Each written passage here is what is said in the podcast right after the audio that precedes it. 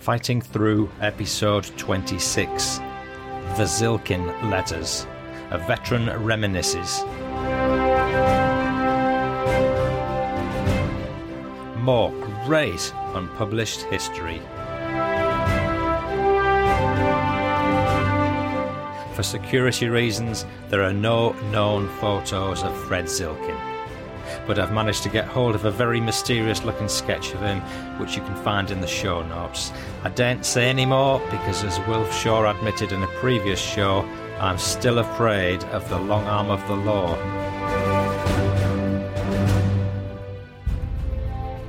If you want to hear Fred's secret World War II revelations and the story behind the sketch of him, listen in now to episode 26 The Zilkin Letters.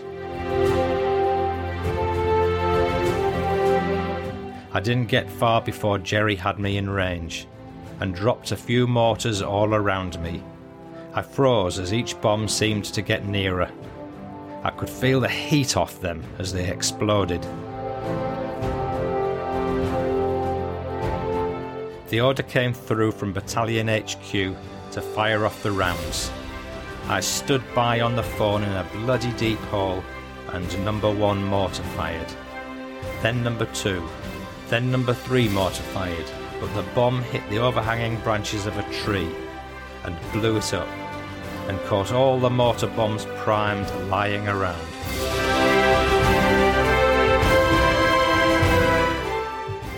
All those knocked out tanks, the lorries, the armoured cars, the graves, the mines, thousands we laid. I often think out there now, all is quiet. The spirits of all the gallant men who were killed there.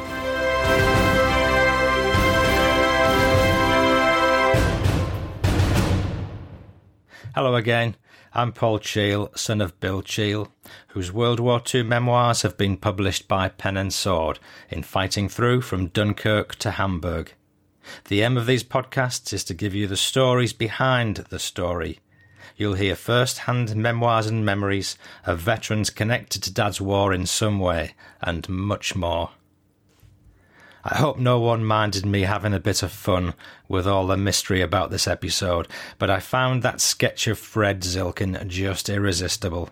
He looks like some enemy spy, all pensive with his distant expression and the TT insignia. Fred was actually a British soldier, and we're going to hear highlights from a number of letters that he sent to Comrade Wilf Shaw over a number of years after the war. In all honesty, though, the letters do contain quite a few startling revelations, one or two which could have genuinely got people in serious trouble had they been known at the time of happening. More in a minute, but do stay with me to enjoy some more great unpublished history. Just a bit of feedback to share with you now. Michael Nibby from USA posted on Facebook, I just finished listening to the show. Amazing and heartwarming. I love hearing these memoirs, as both my grandfathers served during World War II, one in the Pacific, the other in Europe. I never got to hear their stories. Thank you. Thank you, Michael, for posting that compliment and contribution to the show. I've also heard from Faye Pineda from uh, Iowa in the USA. And Faye said, I've been listening to your podcast for a few months now, and I absolutely love it. It's so exciting and humbling to listen to the stories of such brave souls. I can't get enough of Wilf Shaw. He's always got a joke. thanks, Faye, and uh, for you or anybody else who likes Wilf Shaw, I've got him telling another funny story in the PS, so do stay to the end of the show. Uh, I followed up on this contact with Faye, and I've discovered that uh, when I asked her if she had any relatives in the war, she said that uh, I've been working on a family tree with my maternal grandmother, and I found out that my great uncle was. He was an engineer. I'm hoping to find out more. My father had a cousin in World War II and he was British, but again, I'm still looking for more information. So, uh, good luck with your search, Faye, on that front, and uh, give us an update if you find anything else out. You can apply to the UK National Archives for details of your relatives service records. And I'm putting a link in the show notes, which should help you in that direction. But basically, if you're the next of kin, you're entitled to get the records free. If you're not next of kin, then I think it costs about £30 sterling. And despite a warning on the website that it can take about six months, I've found out in practice it really only takes a few weeks. So, uh, as I say, link in the show notes. I've had contact from uh, Tristan in Australia. I have to say, I've enjoyed the hell out of your show so far. Really riveting stuff. I was raised on the island of Portland, and many of the guys who left for France on D Day left from nearby Weymouth and the naval base there. I get chills thinking about those young men who had the guts to get up in a firefight and give it right back to Jerry.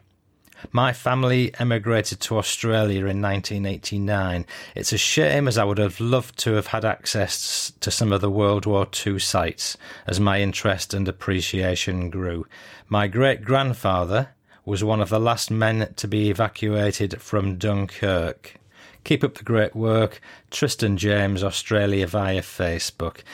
Tristan, thanks for that. Your grandfather must have been part of the Brave Rear Guard, many of whom were captured.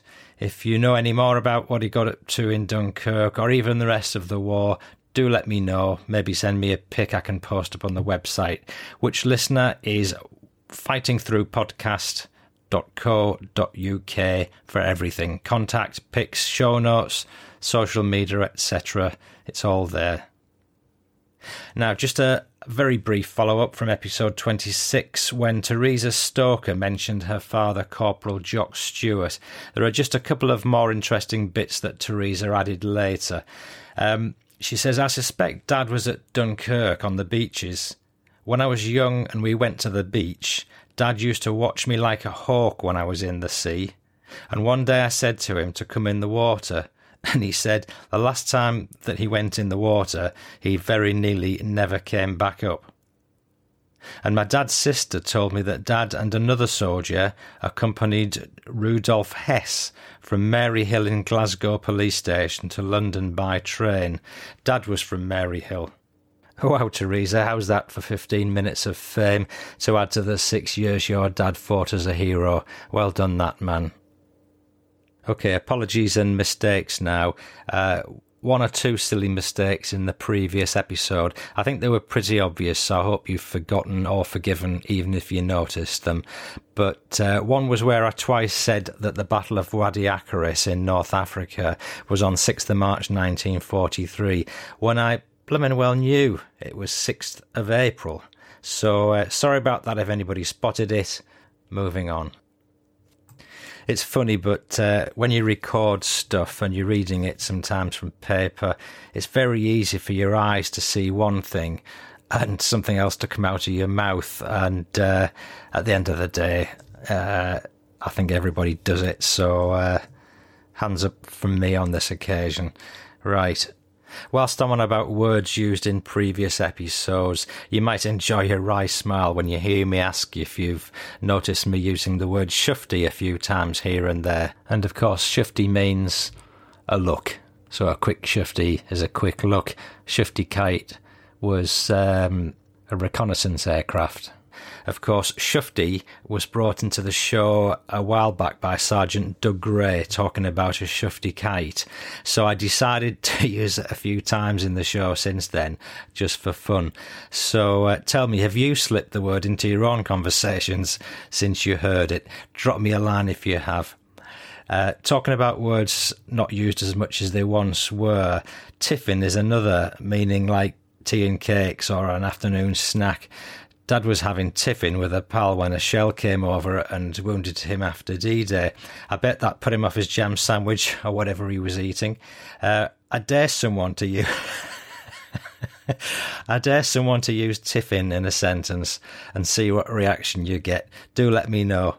Has anyone else got a wartime word no longer in common use? Get in touch. On with the show. Um, Fred Zilkin and Wilf Shaw were good pals, both in the 6th Green Howards. Uh, in the signal platoon at various times, sometimes fighting, uh, radioing messages, sometimes repairing lines, They spent a lot of the war together, and that included Alamein, Sicily, and Normandy, amongst other things. After the war, they went their own ways, but kept in touch, and in the early 90s, Fred and Wilf exchanged many letters. There's only the one bit of backstory I'll mention right now, and that's about Marston House in Frome, Somerset, England. And it's a country house where troops were billeted in 1941 before they went abroad. There's plenty about it in Wikipedia, but one story I've heard of is about US troops driving jeeps up and down the stairs. Driving jeeps up and down the staircases at some point during the war. So, uh, Lady Marston of 2018, if you have strange tyre marks in your hallway, you know who to blame. So, this show is looking at Fred's letters, sometimes responding to reminiscences from Wilf, but mostly pulling new memories of his own out of the ether or from diaries he'd written. I've sometimes tried to bring common threads together, but everything won't be in perfect historical order by any means, any more than Fred's letters were. I'll let Wilf himself introduce Fred. I have many letters which Fred wrote to me up to a few years ago. Great lad was Fred. He succumbed to Parkinson's eventually. He tried to the end to write to me. Listener Wilf has mentioned Fred enough in his previous stories for us to know that he thought a lot about him. Uh, this is a short section of one of my previous interviews with Wilf. Tell us about his character, sort of a chap he was. He, he was a bit of a humorist at times, you know, but, uh, pretty serious, and he, he, didn't didn't put himself about a lot, you know, and. Uh, but I, I, can tell you one instance. I can give you an instance of one of his uh, sense of humour. Well, listener, I'm going to leave it there now. If you want to hear Wilf's funny story about Fred, uh, please stay listening right through to the end to the PS, and it's, uh, good, good old funny soldier story. Um, I'm now mostly going to read this as if it's Fred himself who's talking. So close your eyes and picture this brave old hero of a veteran whilst he tells things like they really were. Yes, I do remember Jimmy Hanna. His brother did get the VC, but not posthumously. I think he beat out flames with his bare hands in his Lancaster bomber on its way back from a raid in Germany. Jimmy Hanna, I recall. When we were at a billet, it was a hotel overlooking Studland Bay on the south coast. I remember he used to put a company sergeant major's crown on his sleeve before he went into the town on a night. Whatever happened to him? That Escaut Canal caper of yours you wrote about, wasn't that where we were going across in a small rowboat? I got across okay, but then the boat sank and the others had to swim across. Some do. About Sicily, Wilf. When we were at that billet, Castle Sillypen, whatever the name was, you've got the photo, Wilf. A chap, a private in the platoon, he did a drawing of me, side view just head and neck. Forage cap and TT flash on the shoulder, done in pencil, and he signed it Mitch. I've still got that drawing, found it amongst my army bits and pieces. I got a frame from Woolworths just recently for it. I don't know what happened to Mitch. I can't even remember what he looked like. About that Sicily incident, Wilf. Did you know that a lot of men in the Scotch regiment on their way to Italy refused to pick up their kit, etc., and march from the transit camp? They were like ourselves, casualties from the desert, and were being used as reinforcements for the Italian do.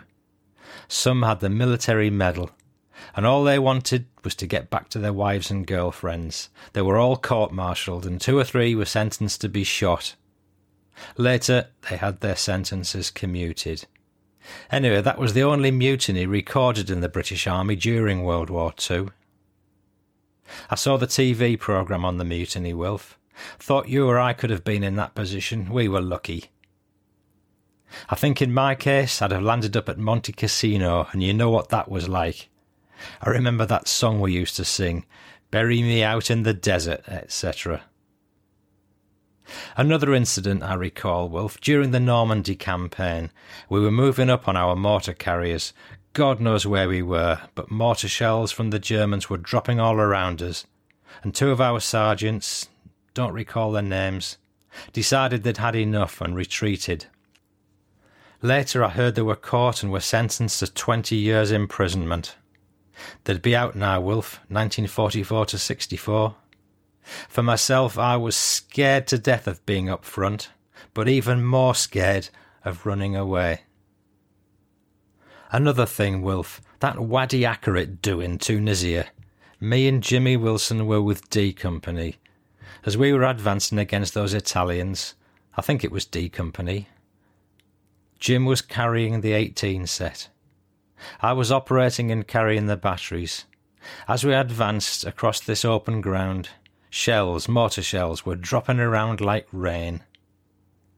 I said to Jim, let's make a run of it, get into a slit trench, but then a mortar bomb shell landed.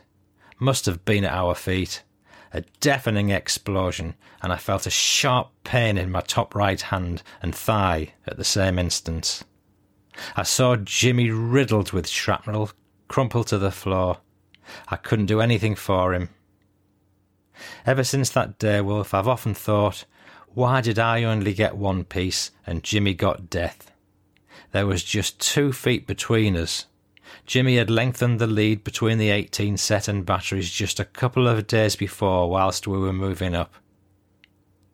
I can't understand how Jimmy was killed and I got away with just one piece of shrapnel. It's still in my back. I didn't know this until I went for an x ray for an appendix operation. We spent Christmas Day 1941 in Iraq near Kirkuk, didn't we? When we left Kirkuk, I was put on a charge for not lifting some 200 feet of cable from the ground. It was solid mud. Remember, the rain came down like stair rods. I cut it off. What could I do? I did a week's pack drill in Cyprus for my sentence. The sergeant who was in charge of pack drill took us behind a hill and we sat down and relaxed. He was a good bloke, a real sergeant. What were we doing up there in Iraq? We motored down from Iraq through Syria, etc. God knows where we were, and we arrived in the Gazala line around 2nd of February 42. It was here that Ginger Wright had a do with a sergeant major. Can't remember his name. We were digging in a hole for a cookhouse, and the sergeant major had a pick and was able to pull down lots of earth, much more than Wright could shovel out. Wright got so mad because he couldn't shovel out more earth and threatened to hit the sergeant major with his shovel. And he did. The sergeant major turned round and asked if anybody had seen Wright do this, but nobody said a word. It's sad to learn that Ginger Wright's dead now. And Woods. About the desert Wilf, at night, listening to the tins of petrol in the dumps when on guard, contracting and ping ponging and making that noise. And when we were on guard, getting dug in under the tarpaulin covering the emergency rations and drinking the tins of carnation milk. Also, I think some of us, I know you did, drank the water from the radiators of the Bren gun carriers. Lying on my back, mouth under the drain plug of the carrier. Some blokes used the hollow aerials of their 18 sets to siphon the water from the 44 gallon drums in the emergency dumps. I could have got shot for that. What about that khamsin? that great cloud of sand and wind that engulfed us from ground to sky and the mirages we saw. Where is all my kit? Somewhere in the desert on that retreat from Gazala. All those knocked out tanks, the lorries, the armoured cars, the graves, the mines, thousands we laid. I often think out there now all is quiet, the spirits of all the gallant men who were killed there. I wonder if all the tanks, trucks, etc. were collected up, all the mines lifted. Wilf, you had a rough time there at Alamein. I was lucky, I missed it all. I got a dose of jaundice, something to do with the infection of the kidneys or liver, so I was in hospital. I rejoined the battalion at Benghazi. I also missed the landing on Sicily because this time I was in hospital after being wounded at Wadi Akarit. So I was luckier than you. By the way, April the 6th coming up. 48th anniversary. Listener, it's now the 74th anniversary. Fred wrote this in 1991. By the way, Wilf, I've still got that Italian bayonet you gave me. You got it off an Italian prisoner. I think you used it for an earth pin for the phones we used, remember? Now about Company Sergeant Major Stan Hollis. Do you know, Wilf, Stan Hollis was a corporal in France 1940. He was a dispatch rider, and I remember him come roaring into our different positions, giving the officers and company, etc., directions about where the Germans were. I didn't really realise this until long after the war, when I thought back to France 1940. He was promoted to CSM after Dunkirk. He was a real sergeant major, one of the lads off duty. Sadly, he died quite young, around 1970, I think, and his family had to sell his Victoria Cross. Perhaps I could tell you of France 1940, Wilf. How was a Labour battalion we met up with the Germans, etc how I was found asleep on guard by the second in command of the battalion. I was put on company office the next morning. I remember how we had our first baptism of fire, and how we, with only rifles and fifty rounds of ammo, fired on the Germans at a range of four hundred yards. We'd no mortars, no Brens, no anti-tank rifles. We, d- we did have a Lewis gun, a 1914 to 18 one, it used to jam up after a few rounds. One time I was left with a Lewis gun on my own, as a rear guard action out in the middle of nowhere. Jerry didn't turn up. Thank goodness. I was on my own once or twice up in the desert, but way out in front of our positions, in a sangar, a listening post. All I had was a bloody rifle and fifty rounds, all on my own, listening for Germans. I was bricking it. I retreated on my own, and I'm still here. Your calling update, Wilf. I wasn't in France then. We were chased out of France on the 31st of May 1940. Anyway, you went to Plumer Barracks at Plymouth, and just up the road from there was Seaton Barracks, remember? Well, that's where I was called up to. Me and George Suzuki. As we went through the guardhouse, we were given a number. George was 4617 989, and mine was four later at 993. And I wonder who the three blokes were between us, and whether they got through the war, and where they are now. I do get the usual aches and pains. As the song goes, some days are diamonds, some days are stone, some days troubles won't leave me alone. You know, Wilf, about TV and the films, those blokes firing those automatic rifles into thin air. I reckon they did that for the cameras. As you say, Wilf, it was very rare for us to fire at random. I reckon they would have charged us for the rounds. Anyway, we were told not to fire like that in 1940 in France. The first person I saw killed was in France in 1940. A French soldier running for cover just behind me was blasted as he ducked behind a tree. We lost quite a few of our blokes there in that year. You know, Wilf, you never were in a panic. I remember when you came over to the mortars, you were so composed and didn't give a damn about the enemy shells or mortars. You were always a rebel, Wilf, and it was those types of blokes who won this bloody war for us. If it had been for me, the war would have been going on now. You were always getting 28 days for something or another, Wilf. You were a soldier. They, whoever they were, said you wasn't a soldier until you'd been wounded at least once. You qualified, Wilf, twice over. I remember the newspaper, Crusader, and Reader's Digest. Do you know, Wilf, I never played cards, drank, or smoked until I think we arrived in Egypt or thereabouts. At one time, Wilf, whilst we were under fire, I used to smoke three cigarettes at a time. One I was puffing, one ready lit, and one out of the packet ready. I'd never had a beer until we were overseas. Must have been around Gazala. Remember Gazala, Wilf? First time we were in the line. I'm still reading your typewritten biography, Wilf. I've just got to the part about Peter McKenna. If I'm sadly right, he was on leave with me and some others here in Tooting before D Day, and he died of his wounds in Normandy. He was with a company commander. What company, I don't recall. Do you know, Wilf, once in the desert we got a ration. I'm looking at my diary of Saturday, February the 27th, 1943. It was a NAAFI ration per man. Five bars chalk, 180 woodbines, one tube toothpaste, one tin of condensed milk, one tin meat and beans, tin of Andrews salts, ten packets of book matches, one tin of boiled sweets, two tablets of soap, and extras we got two bars of chocolate, two packets of biscuits, two more bags of sweets, and half a pound of tea, a large tin of fruit, one tin of blacking, and one tin of ideal milk. By the way, Wilf, did you ever get to Cairo on leave? You must have had some leave after you came out of hospital at different times. I got seven days leave from that transit camp, more like a concentration camp.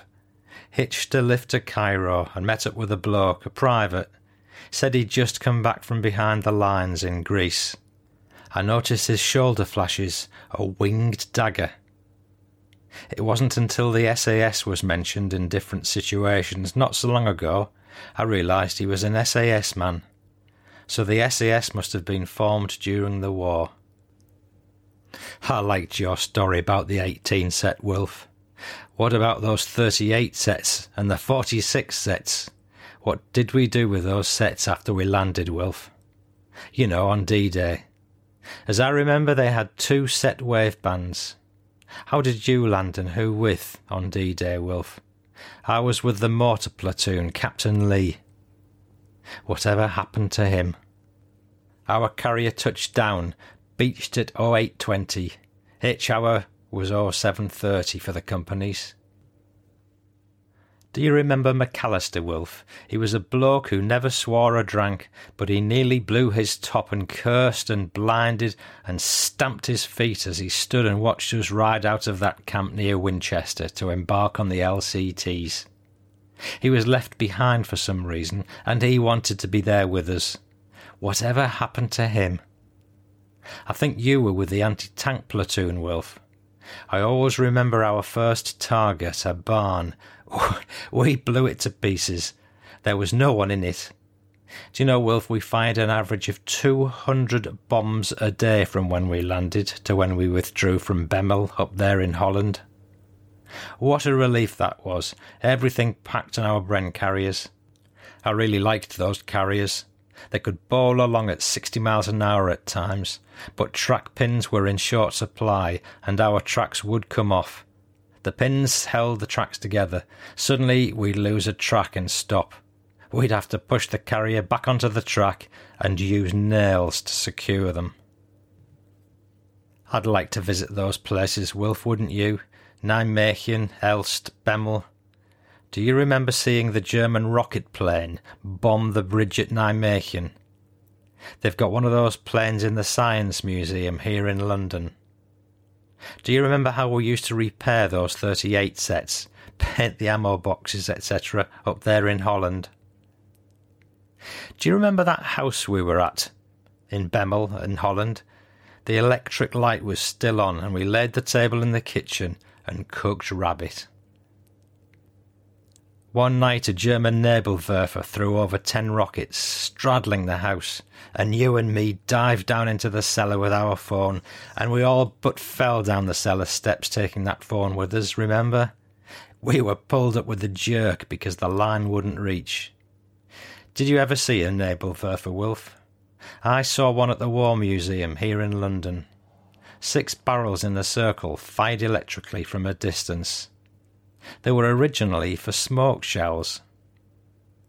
Then going out of that cellar to mend the company lines. Ugh! Never knowing when a mortar shell was going to come over. You couldn't hear the damn things coming until they hit the ground. You just heard that swish too late.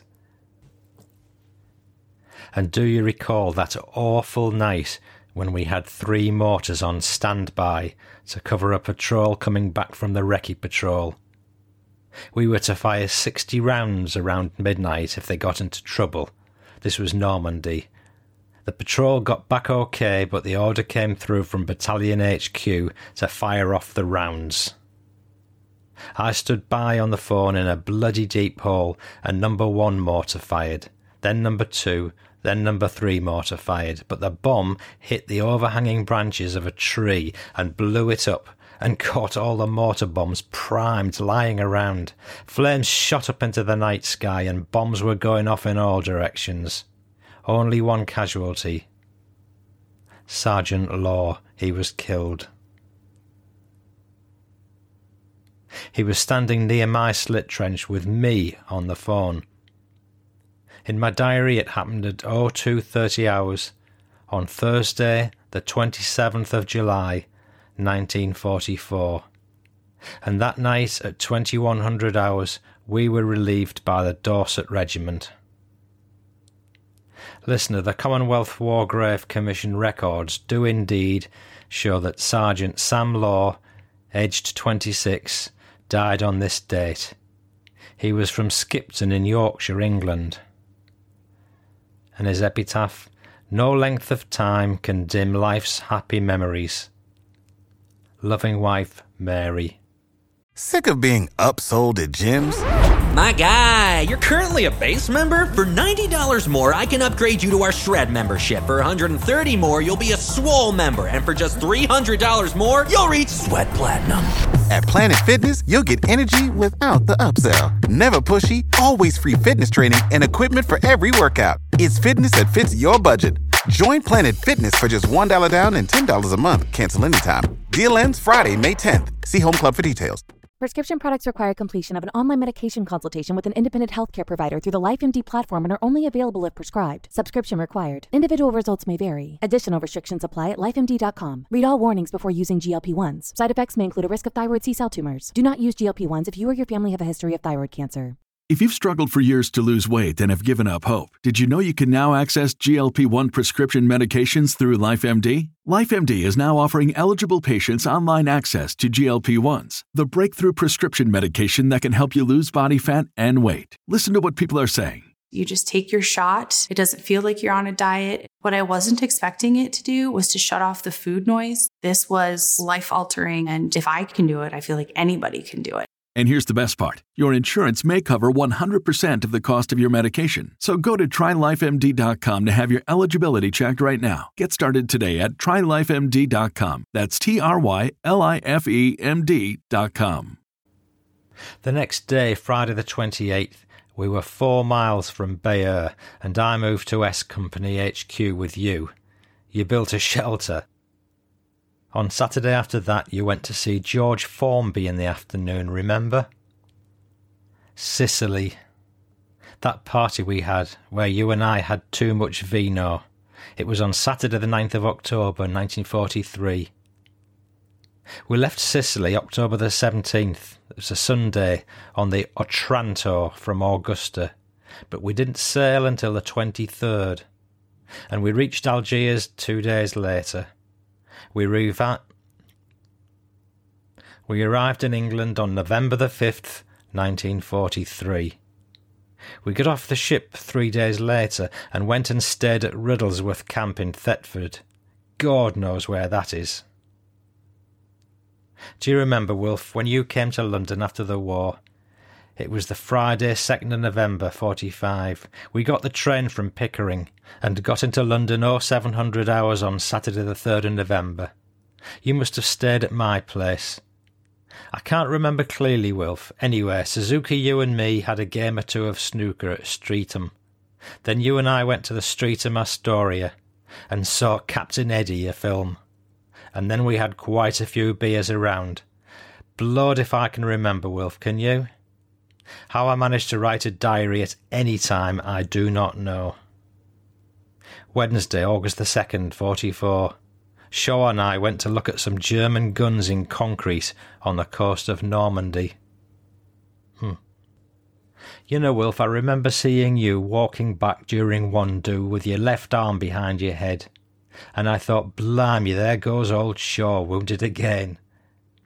If I remember rightly, you were wounded three times, Wilf. Once at Alamein in the arm on October the 24th, 42. Didn't you also get a bullet in your steel helmet which left a bruise on your forehead? It was a light machine gun, Italian. it put a hole in your helmet, but not in your head. I've still got my D Day detachment duty card. Zilkin, 18 set. Assembly area for embarkation C14. Embark in landing craft tank 4. Unit serial number 27467 2520.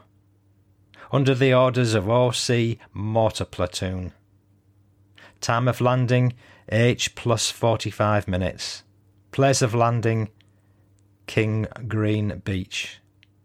Open listening watch H minus 60 also, communications will be established at H 15. I landed on Gold Beach at 0820 in a mortar carrier. Sailing to Egypt, 1941.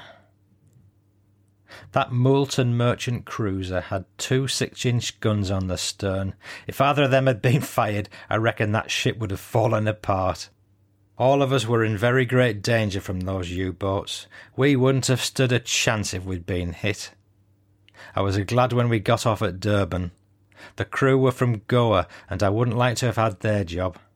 As you say, it was sunk later. I think we were on that ship about six weeks. I do remember, though, as we sailed south, the weather got better and better.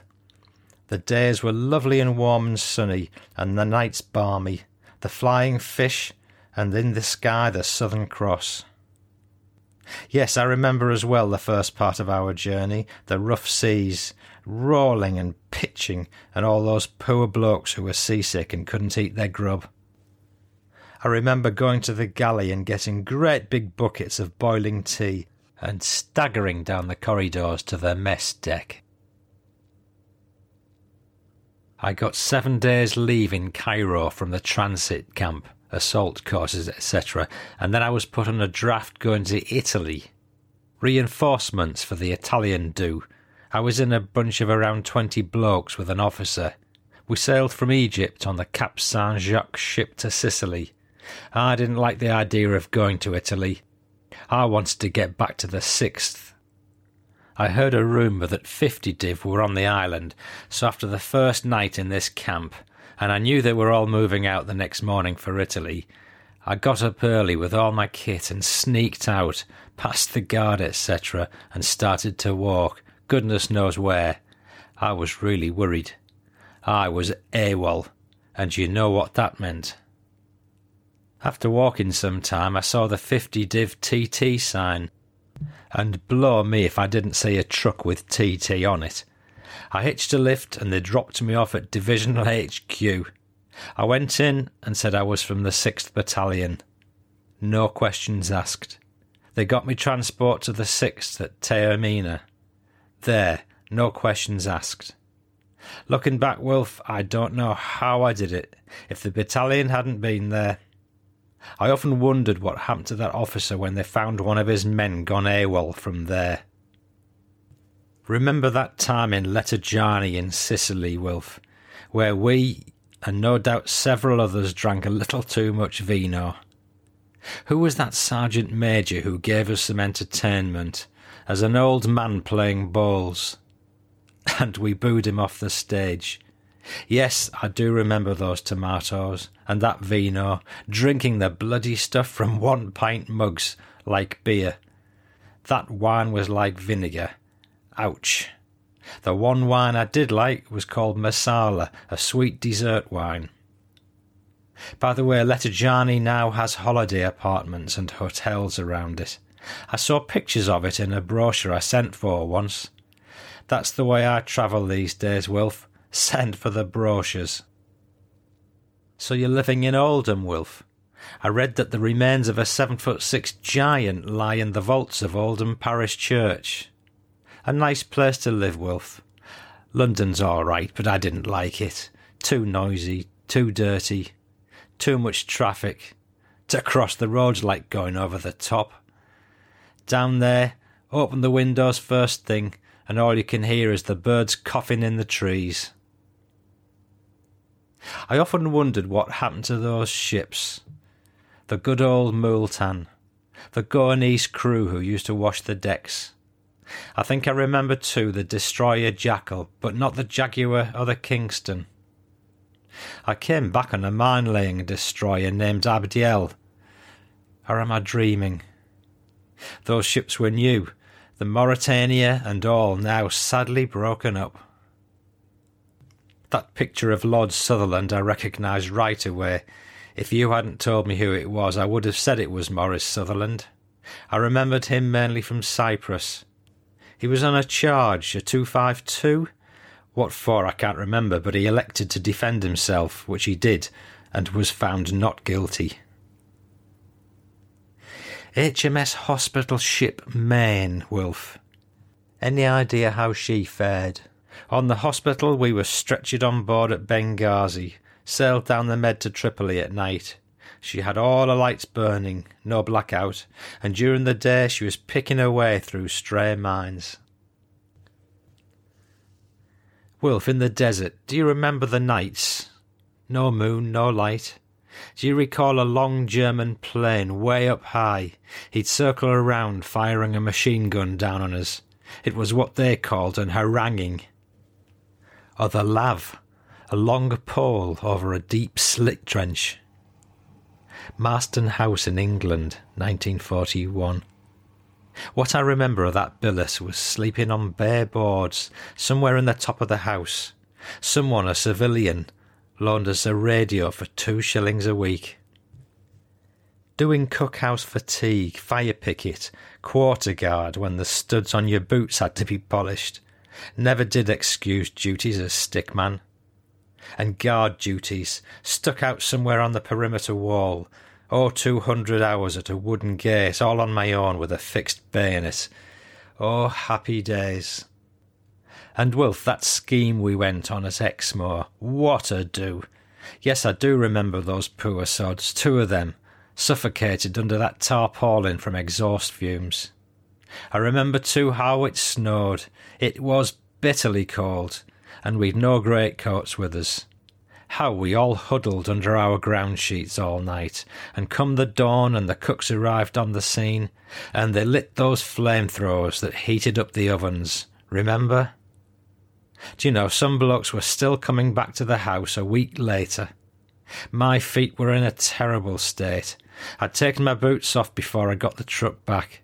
I'd never have got them back on again. We used to do 30 mile route marches there, Wilf, remember? One incident I remember was coming back on a three tonner. We'd been out on a scheme or something. I was sitting on the tailboard, marching orders, small pack, etc. The lorry pulled into the forecourt. I was sitting face inwards when some idiot pulled the pins out and let the tailboard down, and me with it. I went out flat on my back, but luckily my small pack took the brunt, and I got up smiling. Who'd have thought, Wilf, back there in Normandy, in those slit trenches, hedgerows, damp, rain, mortars firing, no future. I remember how you used to come over and get my 38 sets working and how you used to relieve me on the telephone, which we had to keep open all night, 24 hours a day.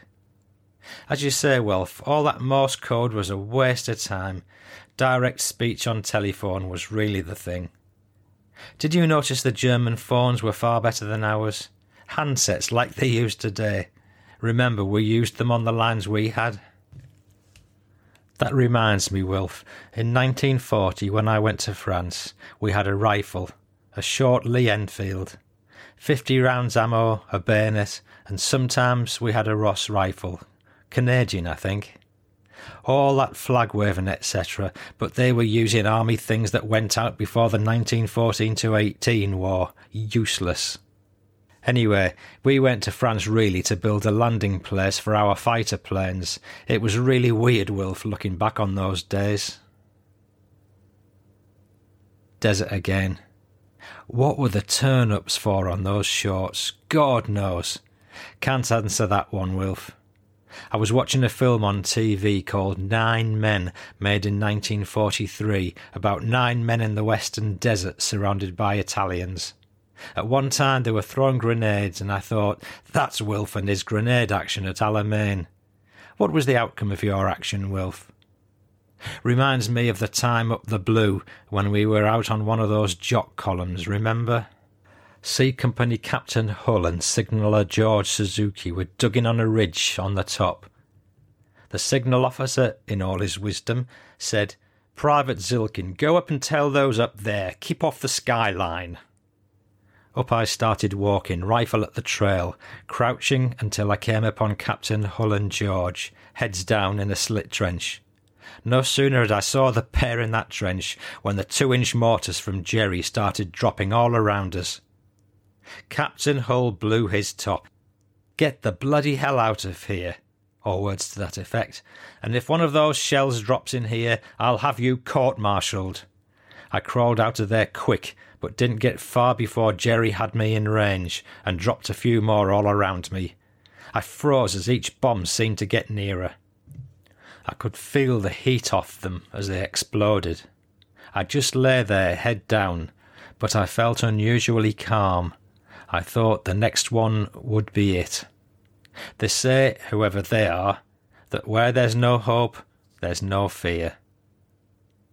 Then the mortars stopped, and I got up and ran back to Battalion HQ, and believe it or not, I told the signal officer what an idiot he was, sending someone up on the ridge to tell them something they already knew. You should have seen the faces of Captain Hull and George when I came upon them in that trench. They could have killed me. Happy days about Cyprus, eh, Wilf? What I remember about Cyprus, I got sandfly fever and a lovely week's leave at Larnaca up there in the mountains. Fantastic. I'm settled in now, Wilf, and hoping that you can get some golf in in spite of this weather. It's raining hard now outside, Sunday 12 noon. I'm about to go out for my usual pint on a Sunday, Wilf. Long gone days. Exmoor, Western Desert, Loch Fyne, Normandy, Marston House. Ah, those good old days. Ouch. I wonder whatever happened to Dibble.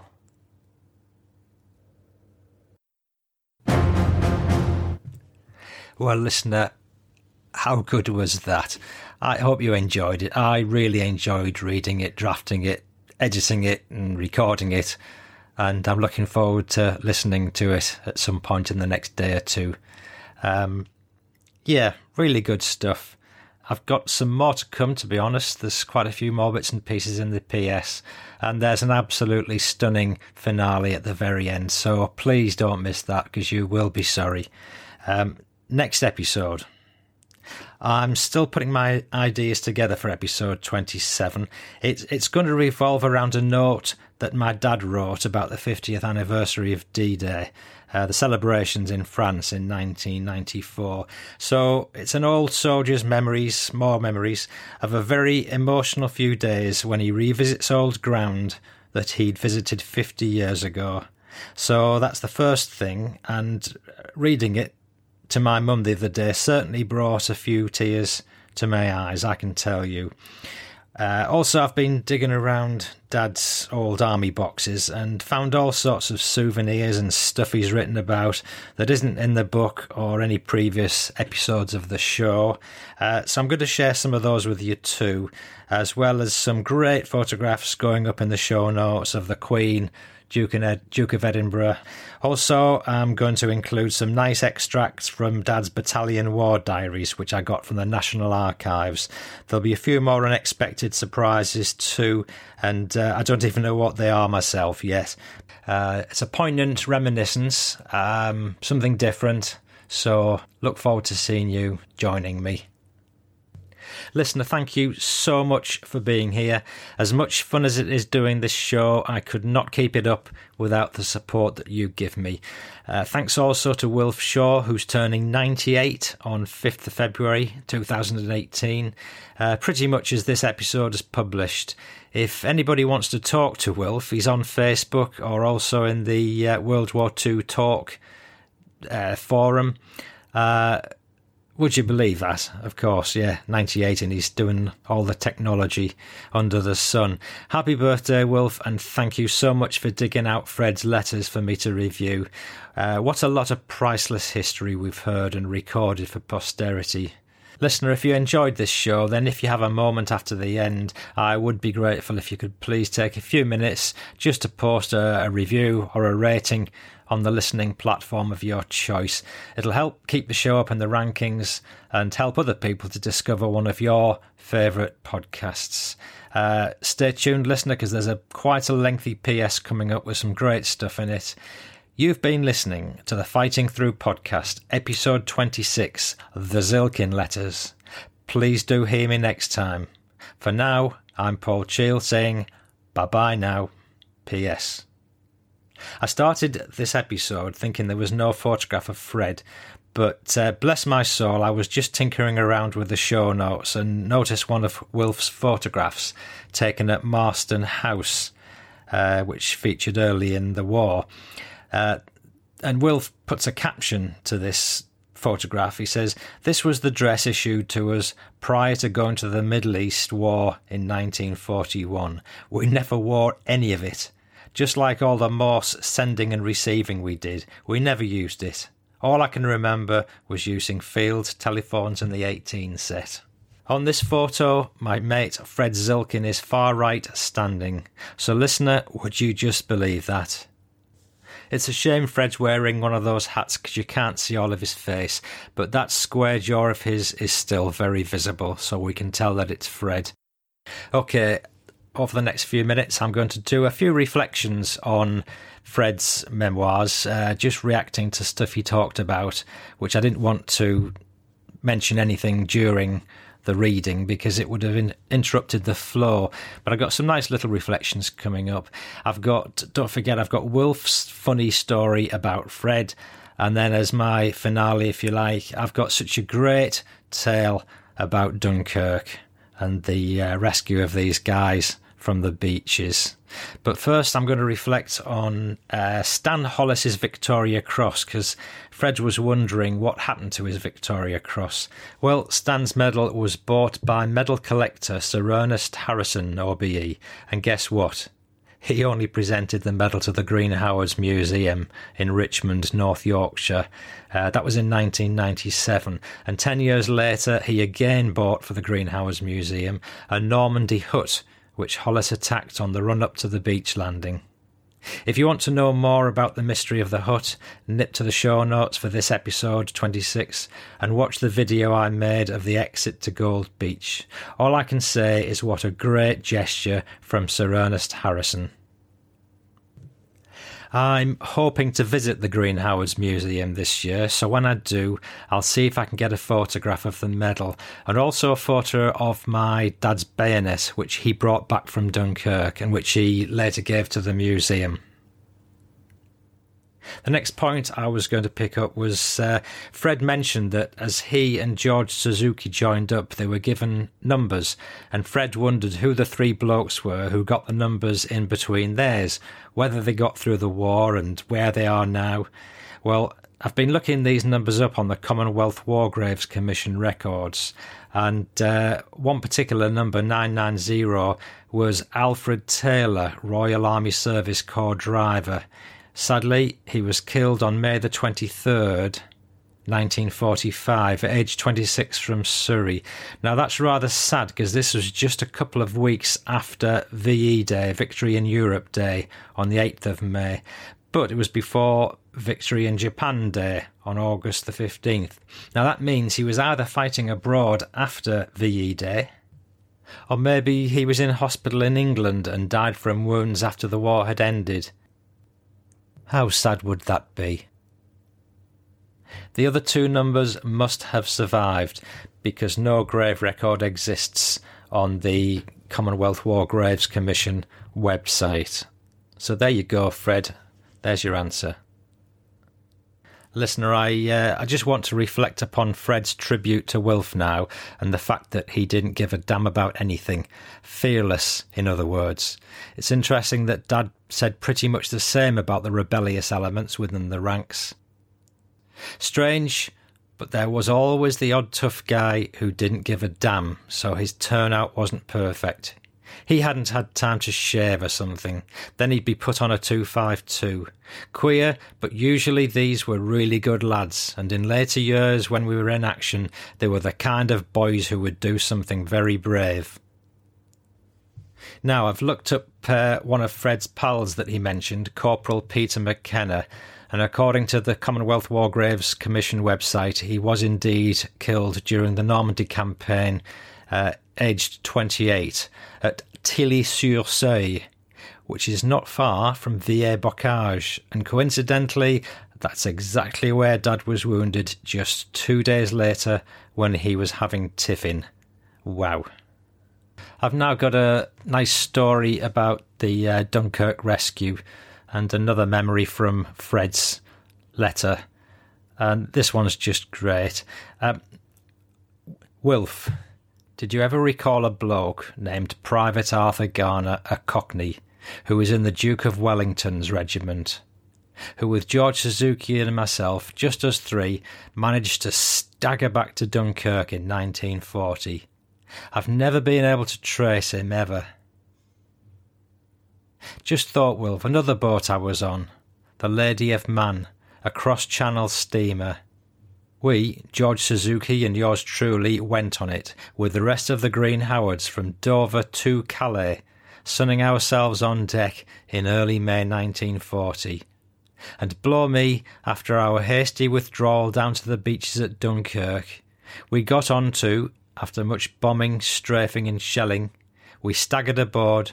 Yes, the Lady of Man. This time we kept off deck and got ourselves, George and me and Arthur, down below. The boat rolling from side to side as the bombs kept straddling the ship. Didn't worry George, though. He went and had a wash and brush up.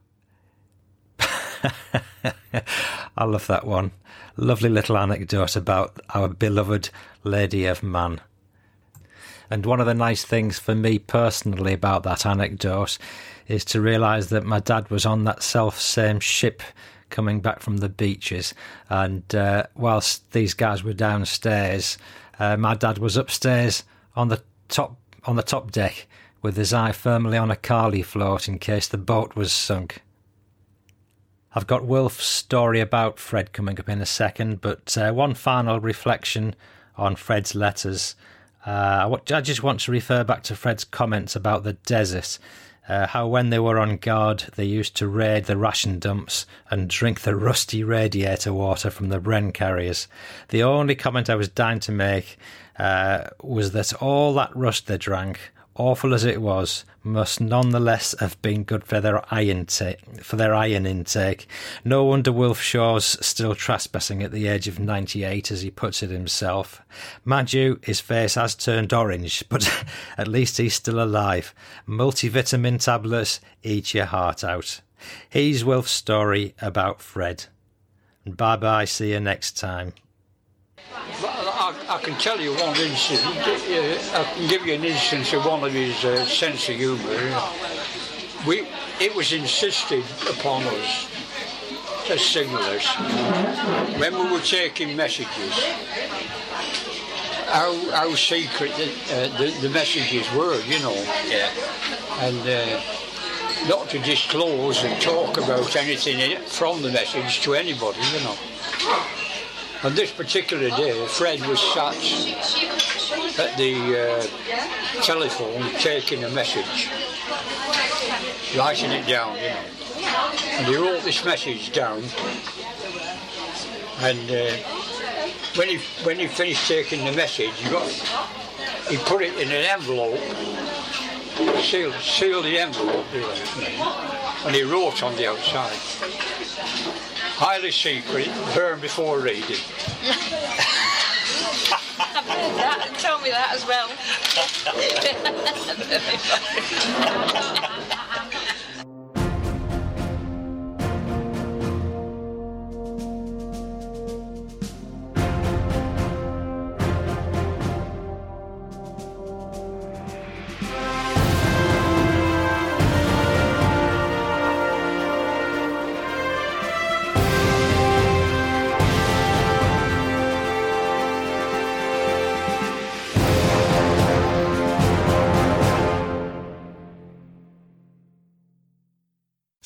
big money at Menards. Let the fresh air in and keep the bugs out with replacement screen for your doors and windows from ADFORS. It's easy to install, durable against the elements, and comes in a variety of types to suit your needs. Repair your screens today with a roll of replacement screen on sale through May 5th. And check out more great deals happening now in our weekly flyer on menards.com.